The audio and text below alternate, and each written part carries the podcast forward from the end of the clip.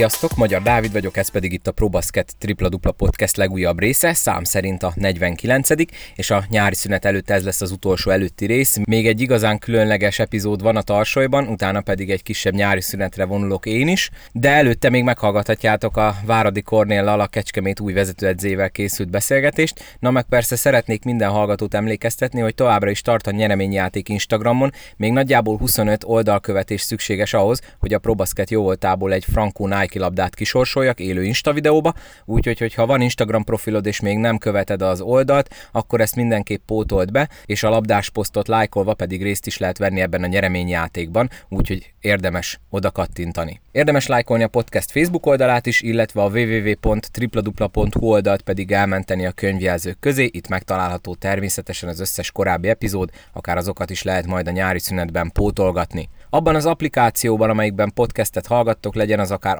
Androidon, akár iOS-en, természetesen nyomjatok rá a követés gombra, és így majd mindig értesítést kaptok a legújabb részekről, és természetesen ott is be lehet pótolni a korábbi epizódokat. Látogassatok el a www.probasket.hu oldalra, itt Jordan és Nike márkás cipőket, kiegészítőket, például labdákat lehet nagyszerű áron vásárolni, ingyenes házhoz szállítással. Na de ennyit a szolgálati közleményekről, következzen a beszélgetésem a Kecskemét új vezetőedzőivel, Váradi Kornéllal. Sok szeretettel köszöntöm itt a ProBasket Triple Dupla podcastben a Kecskemét újdonsült vezetőedzőit, Váradi Kornélt. Szervusz Kornél, üdvözöllek! Szia, én is üdvözlök, és üdvözlöm a hallgatókat is. Kezdjük először azzal, amivel ilyenkor mindig szoktuk, hogy hogy vagy te, hogy van a család, hogy vészeltétek át a mögöttünk álló nem egyszerű hónapokat. Jól vagyunk, mindenki szerencsére. Hát ugye mi is nagykörösen éltünk az elmúlt időszakban, betartottunk minden olyan szabályt, amit kértek tőlünk, majd amikor végre elkezdhetünk edzeni, akkor kis csoportokban megfelelő biztonság mellett elkezdtünk. Te ugye Forrai Gábor mellett voltál másodedző ebben a csonka szezonban. Milyen volt, amikor kiderült, hogy ennek itt és most vége? Mennyire éltétek meg ezt kudarcként? Milyen volt a lelki világotok ott Kecskeméten? Hát szerintem senki nem élte meg túl jól, hiszen igazából mindenkiben maradt egy olyan kis hiányérzet, hogy nem lett befejezve az egész, és a profi sportok egész évben arra készülnek, hogy hát mi lesz a vége. Teljesen értető volt a döntés mindenkinek a saját és családja épségében, hogy befejezzük a bajnokságot. Sajnáltuk, de nagyon várjuk már, hogy kezdődjön a következő. Ugye te vagy most már a vezetőedző hivatalosan is Kecskeméten. Mennyivel lesz másabb most felkészülnöd a következő szezonra, hogy most már mint vezetőedző tevékenykedsz? Miben fog változni a feladatod nyáron, tehát az off-seasonben?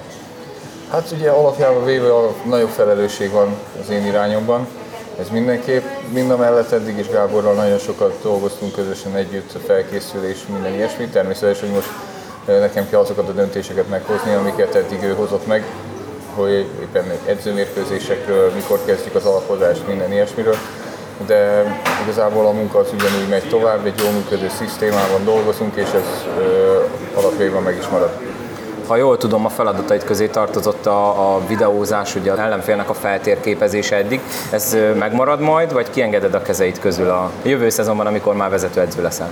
Hát ugye segítőm lesz Hegedűs Gergely, és Dusan Markovics, aki az akadémiára épülő is fiatal edző. Mind a kettőjüknek ez lesz feladatuk.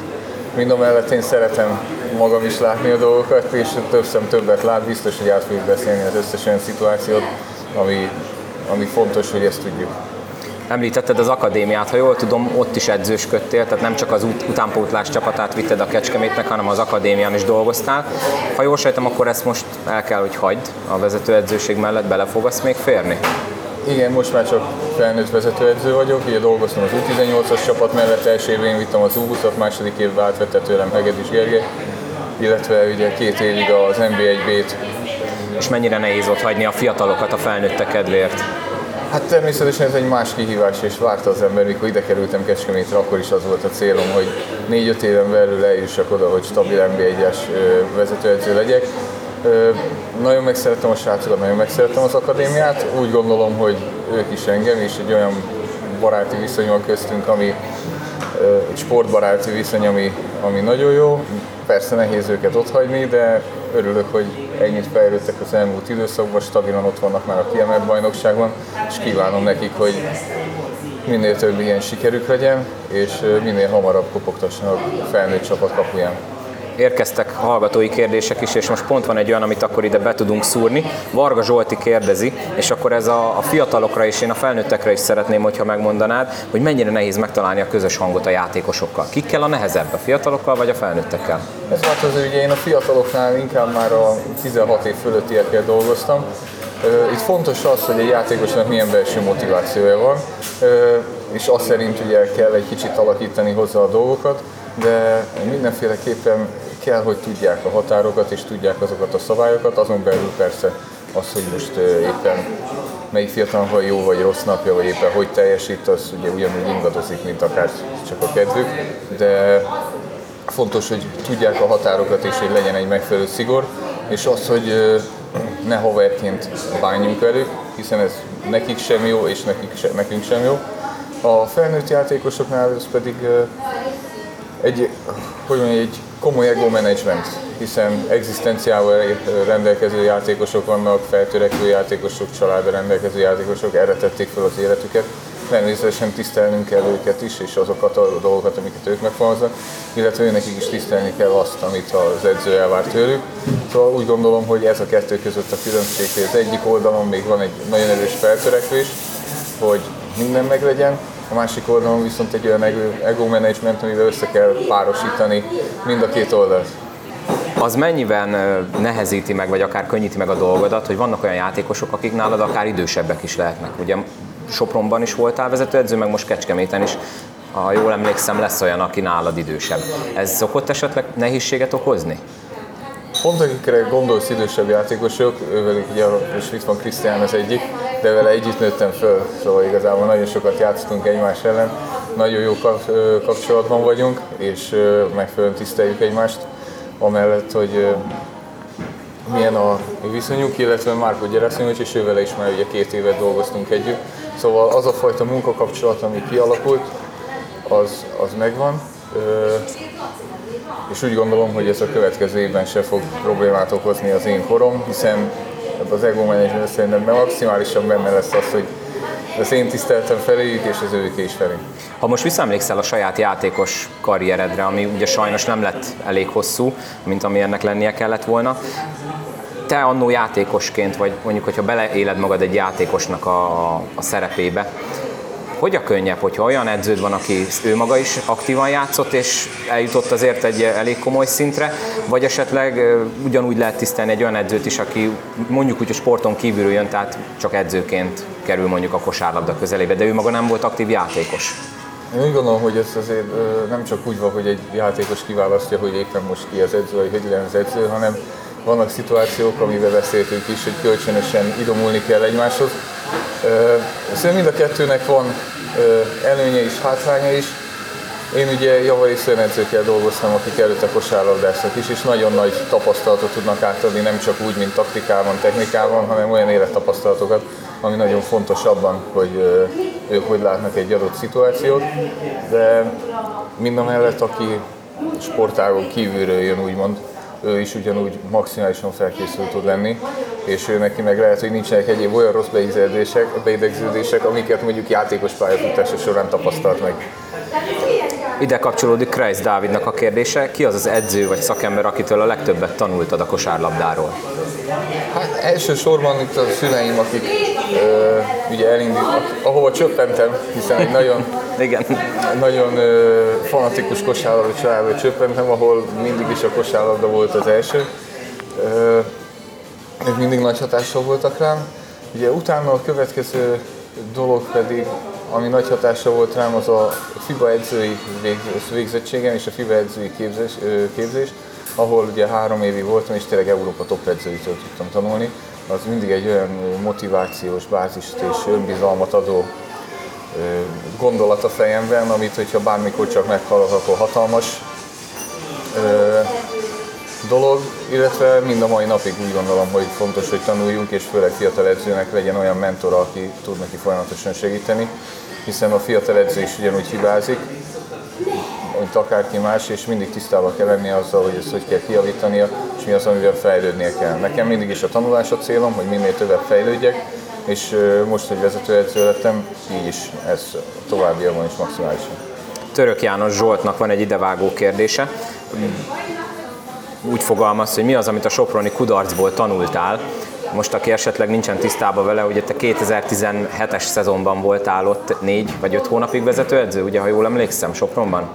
Hát nem számoltam, hogy most meddig sikerült ez, mert utána is vezetőedző voltam, csak a B csoportos csapatnál, így a fiatalokat edzettem.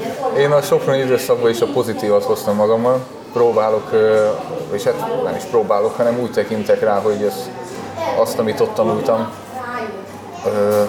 az, a, az már belénívódjon. Mind a mellett én föl tudom tenni vissza azt a kérdést, hogyha ott nem úgy sülnek el a dolgok, akkor én most jelenleg nem biztos, hogy itt vagyok Kecskeméten.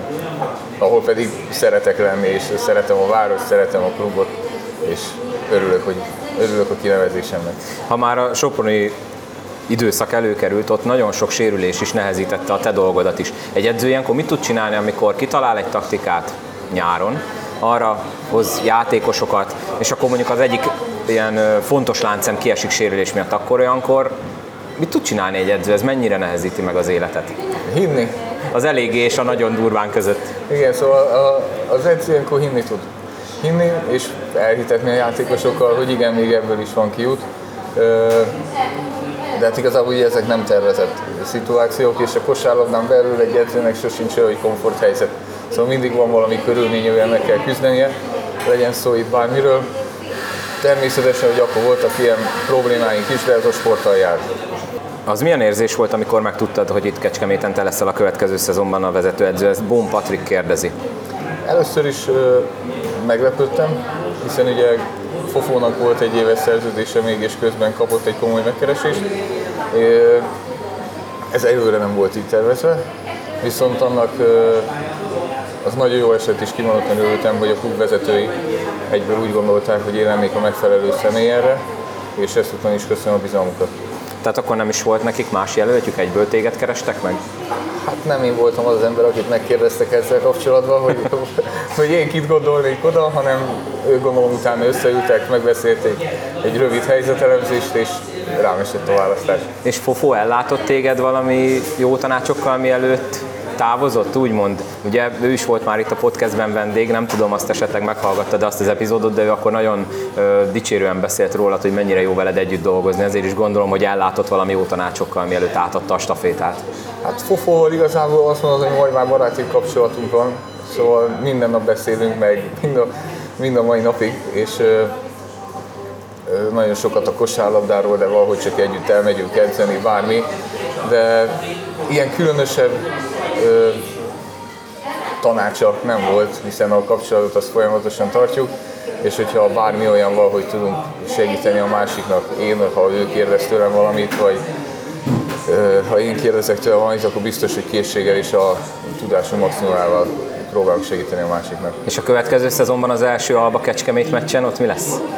Hát játszunk remélem egy jó meccset. Ki az, aki többet tud a másiknak az edzői fineszeiről? Te ő róla, vagy ő, ő te róla? Hát szerintem azért ő is tud róla eleget, én is tudok róla eleget, de úgyis mondja, ezt, ezt a mérkőzés folyamán látjuk, hogy hogy alakulnak a szituációk, és abban ki mit tud változtatni. De akkor az lesz az egyik legjobban várt meccsed a következő szezonban? Hát minden mérkőzést várok, leginkább az elsőt. Leginkább az elsőt várom, hogy végre elindulhassunk úgy, hogy minden rendben van, nincs semmi, semmiféle járványhelyzet, és a szurkolók is ott vannak velünk a lelátón. Ha már így mondtad a szurkolókat, illetve a következő szezont, Kreisz Dávid kérdezi, hogy miként látható már esetleg, vagy te miként látod a következő szezont, hány légiós várható magyar játékos érkezik-e még Kecskeméthez, hogyha esetleg valami háttérinfokat, műhelytitkokat el tudsz neki árulni? Hát jelenleg is kidolgozás alatt van a keret, alakítgatjuk. Eddig ugye javarészt csak távozókról lehetett hallani.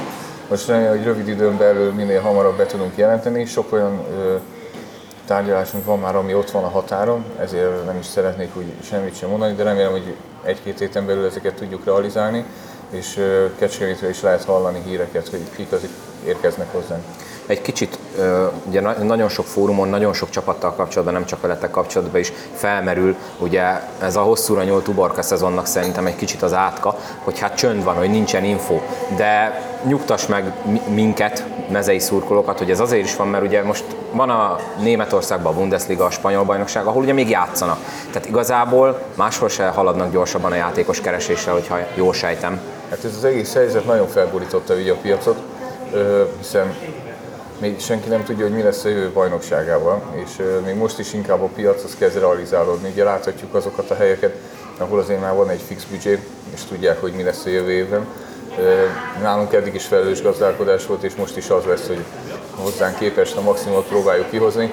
Nagyon pozitív dolog ugye, hogy a sajtótájékoztatón és polgármester asszony maximális támogatásáról biztosította a kosárlabdát, és mi is most vizsgáljuk a piacot, nézzük mi a helyzet, és annak megfelelően próbáljuk a legjobb opciót választani. Ide vág Török János Zsolt következő kérdése. Először is gratulál és sok sikert kíván. Milyen felfogásbeli változások várhatók, ha várhatók egyáltalán? Ugye a Kecskemétnek meg volt egy, egy rájellemző játékstílusa az elmúlt években Forrai Gábor alatt. Te hogy tervezed, változtatsz esetleg ezen, vagy marad ez az alap? Én úgy gondolom, hogy ez egy jól működő szisztéma, és egy jó szisztéma, és csak annyit szeretnénk, hogy tényleg olyan minőségi játékosok legyenek benne továbbra is, akik minél nagyobb potenciált tudnak jelenteni, mind támadásban, mind védekezésben, és ezen fogunk dolgozni. Még szintén Török János Zsolt kérdezi, hogy az eddigi évekkel összehasonlítva milyen mozgástér lesz a klubnál a játékos keret kialakítására. Szerintem talán megengedi, hogy egy kicsit beleforgassak a kérdésébe, hogy mondjuk a légiósaitok, hogy hány légióssal terveztek, van-e már erre valami kialakult ilyen keretszáma klubvezetés részéről? Mennyivel gondolkodhatsz? Jelenleg a négy légióst azt szinte biztosra veszük. Az, hogy a több, tudunk-e több légióst találni, az még attól függ, hogy hogy alakul. Most is még vannak a megbeszélések, hogy tényleg egy olyan keretet és olyan büdzsét tudjuk kialakítani, ami, amivel el tudjuk érni azt, hogy egy minőségi csapatot tudjunk összerakni. Nem tudom, hogy ez kielégítő válasz volt, de a jelenlegi keretről ennyit tudok mondani az 23-as szabály, ami jövőre életbe lép, az neked már most mennyire okoz fejfájást, vagy nálatok mennyire, vagy te hogy látod, mennyire vannak olyan fiatalok a keretben, akik miatt úgymond nem kell aggódnod, és már nyugodt szívvel be tudod őket tenni az első fél időben? Ugye nekünk volt egy két éves nb 1 projektünk, ami úgy gondolom, hogy nagyon sikeres volt, hiszen a játékosaink azok mind jó helyre el tudtak menni, ugye adtunk az átcsoportnak játékos B pirosnak, ugye a B és ez egy elismerése a, a mi kezdeményezésünknek és a mi munkánknak. Pontosan emiatt, hogy abból a keretből még ott van velünk Chester Lewis, Kucsera Dániel, ott van velünk Lukács Döme, Sjelkó Krisztián, akik mind-mind beleférnek ebbe a szabályba, és ismerik már a rendszerünket, nagyon motiváltak, ezért nem gondolom azt, hogy emiatt nekünk bármiféle aggodalmunk lenne, hiszen ezek a játékosok már bizonyítottak a klubnak, bizonyítottak nekem, és remélem, hogy maximális önbizalommal tudnak pályára lépni, és a lehető legtöbbet segíteni a csapatnak.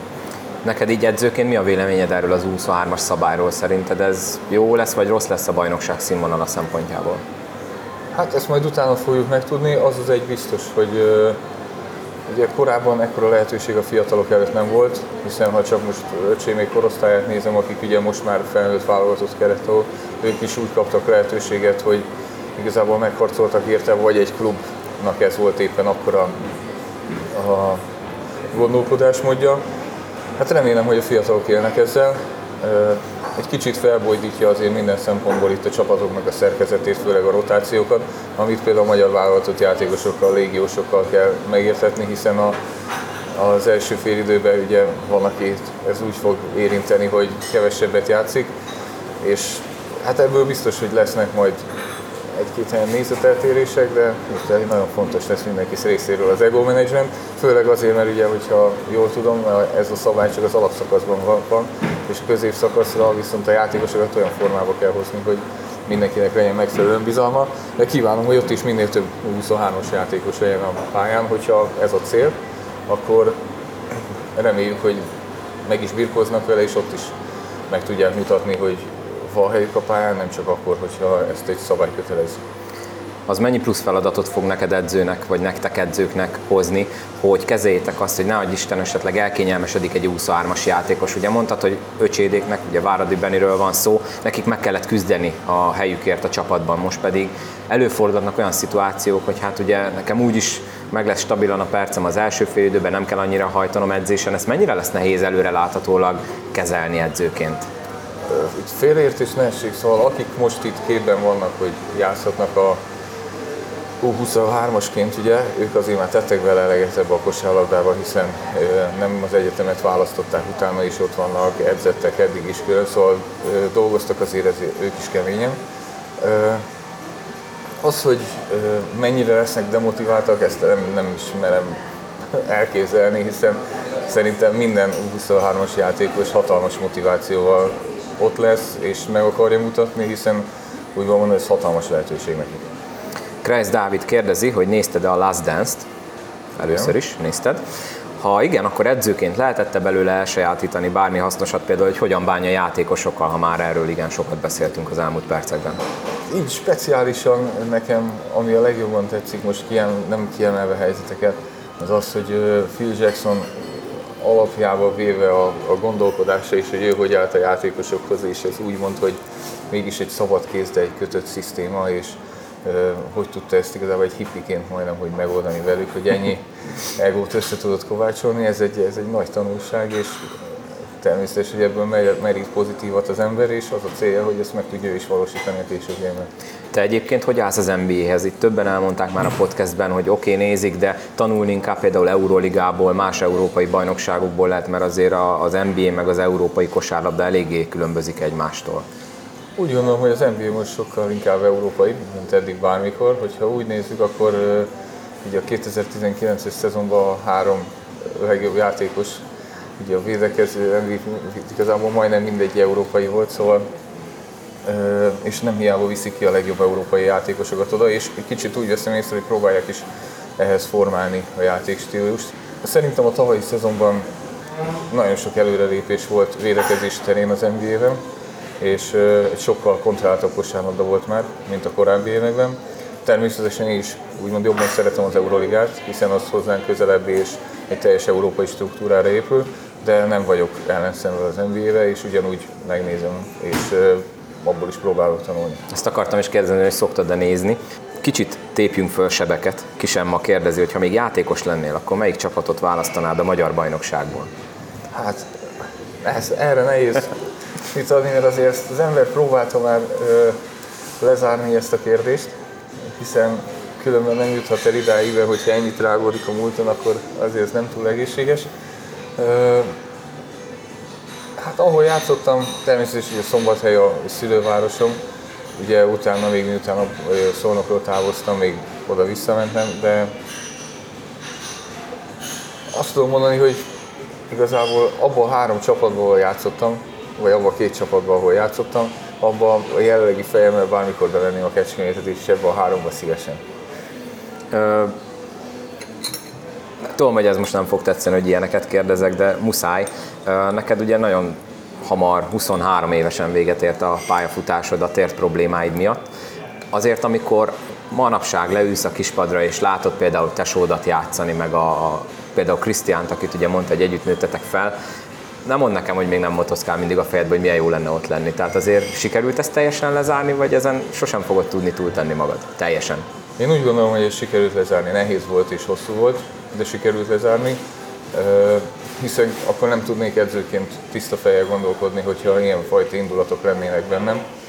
Természetesen, hogy valamikor visszajön egy kicsit, hogy hú, ilyen szituációban játszhatnék, vagy bármi ilyesmi az, az más, de most már inkább ezeket a szituációkat is úgy élem meg, hogy hú, edzőként benne lenni egy ilyen szituációban milyen jó lehet, vagy ez a célom, hogy ezt elérjem.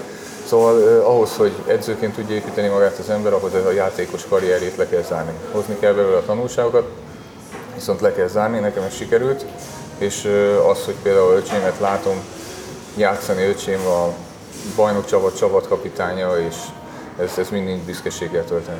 És milyen a viszonyatok Benivel egyébként? Jó a viszonyunk, szóval ugyanúgy beszélünk normálisan minden, amikor, minden nap, amikor csak tehetjük. Nem csak a kosárlabdáról, családi dolgokról, mindenről, szóval jó testvér viszonyt ápolunk.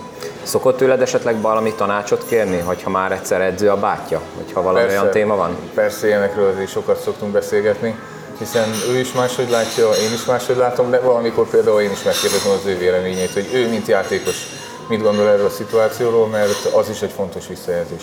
Szoktál egy picit irigykedni néha, főleg most az utóbbi egy-két szezonban, amikor ugye felértek a csúcsra, meg BL szereplés, meg, meg válogatott a Európa bajnokság?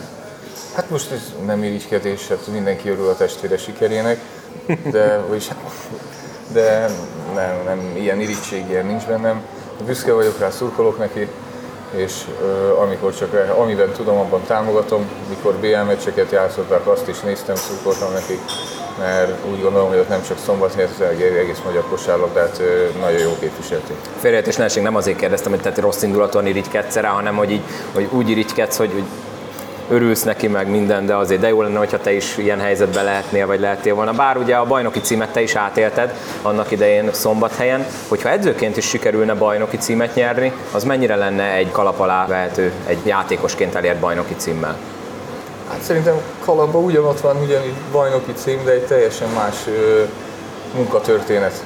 Egy játékosként megélni egy bajnoki címet, vagy mint edzőként, egy teljesen más, más szegmensből nézzük a kosárlabdát, mint a az edző, mint a játékos. Hát dolgozni fogok azért, hogy tudjak edzőként is bajnok lenni, hiszen mi lehet egy fiatal edző célja, hogyha nem ez, hogy minél magasabb szinten, minél több győzelme és sikere legyen. A válogatott mellett is tevékenykedsz. Ugye Stojanivkovicsnak vagy segítője, hogyha jól emlékszem, meg szerintem annól láttalak is Kecskeméten az edzőtáborba. Az milyen érzés egy válogatottat bármilyen minősítésben, bármilyen minőségben edzeni? Hát ugye ott a legjobb játékosokat próbáljuk kiválasztani, és őket összegyúrni a lehető legrövidebb idő alatt, hogy egy jó csapatot ö, lássunk, vagy lássanak a nézők, és hogy a lehető legjobb kerettel menjünk ki. Ugye ez viszonylag nehéz, hiszen a válogatottban ott viszonylag keveset vagyunk együtt, a munka nagy része az inkább a klubcsapatokban zajlik, és hát ott lehető legrövidebb idő alatt lehető leghatékonyabban kell dolgozni. Amúgy én nagyon élvezem a fel mellett, úgy gondolom hatalmas, ami az ő fejében van, és nagyon sokat lehet tőle tanulni, és ő is megosztja velem azokat a tapasztalatokat, amiből én is nagyon sokat tudok tanulni, kimondottan mondjuk csak az én helyzeteimről. Még egy utolsó kérdés így végezetül. Nekem van a fejemben egy Váradi Kornél pillanat, amit én szurkolóként megéltem neked a bajnoki címen kívül, most azt vegyük ki ebből a kalapból, mi az a, az a dobás vagy pillanat, amire esetleg így a első csettintésre visszaemlékszel a pályafutásodról? Kíváncsi vagyok, hogy esetleg előjön az, amire én gondolok. Hát ami egy olyan dolog volt, ami engem akkor nagyon meglepett, az az, mikor a, és szerintem valószínűséggel egyre fogunk gondolni, ugye van egy bajnoki cím, ami nagyon pozitív, sőt még előtte van egy U16 bajnoki cím, mikor senki nem gondolta, hogy mi eljutunk odáig, de sikerült szombathelyen. A következő ilyen pillanat pedig, amikor a körmendelen három hónap kihagyás után az első fél időt végültem, és a fal problémák voltak, még nem is volt annyira megbeszélve, hogy majd csak bemelegítem, akkor tértem vissza sérülésből, és Korpeti odajött hozzám a fél idő, és azt mondta, hogy Kornél játszani fogsz, és hát végül is a végére úgy alakult, hogy a mindent eldöntő triplát az Dragan passzából én dobtam be. Ez egy olyan élmény volt, ami amíg így belegondolok, még mindig így kicsit kirázza a hideg az ember. Igen, én is most így visszaemlékeztem, hogy mekkora tombolás volt, egyre gondoltunk. Igen, ez egy olyan pillanat, ami minden játékosnak szerepel a bakancslistán, hogy egy ilyen klasszikus buzzer beater nyerődobást elhincsen, és akkor ez tényleg egy örök élmény marad? Hát persze, szóval ott az a hirtelen érzelmi kifakadás, az, hogy győzelem, szurkolók, játékosok együtt örülnek, ez egy olyan dolog, hogy ennél többet nem tudom, hogy adott pillanatban mit lehet átérni emocionálisan a kosárlabdapályán. Hát mondjuk, hogyha mondjuk az bajnoki címet ér, mint amit Kendrick Perry csinált pont szombathelyen. Hát igen. Kornél, nagyon szépen köszönöm, hogy elfogadtad a meghívást, és hát akkor nincs más hátra, mint nagyon sok sikert kívánni neked a vezetőedzői szerephez. Remélem, hogy majd ősszel valami jó kis kecskeméti sikerekről, meg egyéb dolgokról fogunk majd beszélgetni. Úgyhogy köszönöm még egyszer, és sok sikert, meg kellemes nyarat neked. Én is köszönöm a megkeresést, mindenkinek kellemes nyarat. Köszönöm a hallgatók figyelmét, és remélem, hogy tényleg októberben mindenkivel találkozhatunk, és nézők előtt tudunk minél jobb mérkőzéseket játszani. Köszönöm szépen Váradi Kornélnak ezúton is, hogy elfogadta a meghívásomat, illetve köszönöm szépen nektek is, hogy küldtetek remek kérdéseket. Ahhoz, hogy a következő kérdezfelelek epizódra ti is tudjatok esetleg kérdéseket küldeni majd az akkori vendégnek, mindenképp kövessetek Instagramon, illetve lájkoljatok Facebookon, hiszen ezeken az oldalakon szoktam kiírni, hogy ha hallgatói kérdezfelelek epizód következik, és ott lehet nekem kérdéseket küldeni, illetve hát természetesen a vendégeknek, akik majd ennek az alanyai lesznek a jövőben. Mint ahogy említettem a podcast elején, még egy epizód lesz az elkövetkező egy-két héten belül, utána viszont egy kisebb nyári szünetre vonulok én is, de természetesen ősztől, illetve hát nyár végétől folytatódni fog a Tripla Dupla podcast, remélhetőleg akkor már aktuális témákról is tudunk beszélni, mint például játékos keretek, októbertől pedig elkezdődhet majd a bajnokság, és akkor természetesen majd gőzerővel az lesz a fő szempontja a podcastnek www.tripladupla.hu, ezt mentsétek el a könyvjelzők közé, az összes korábbi epizód megtalálható, illetve abban a mobil applikációban, amelyikben hallgatjátok a podcastet, mindenképp nyomjatok rá a követés gombra, így mindig értesültök majd a legfrissebb epizódokról, és ott is a nyáron az eddig nem meghallgatott epizódokat be tudjátok pótolni. www.probasket.hu, itt Jordan és Nike márkás cipőket, kosaras kiegészítőket lehet vásárolni, nagyon jó áron ingyenes házhozszállítással, és ha már a Probasket szóba került, egy Nike kosárlabda lesz kisors javasolva Instagramon, hogyha eléri az oldal az 500 oldalkövetést, ehhez még nagyjából 25 követő hiányzik, szóval ha még nem követed a podcastet Instán, akkor irány oda és kövessetek, a labdásposztot belájkolva pedig részt vettek a nyereményjátékban. Még egyszer nagyon szépen köszönöm, hogy meghallgatátok ezt az epizódot is, tegyetek így a továbbiakban is, ne felejtjétek, még egy epizód következik, addig is mindenkinek jó egészséget kívánok, vigyázzatok magatokra, sziasztok!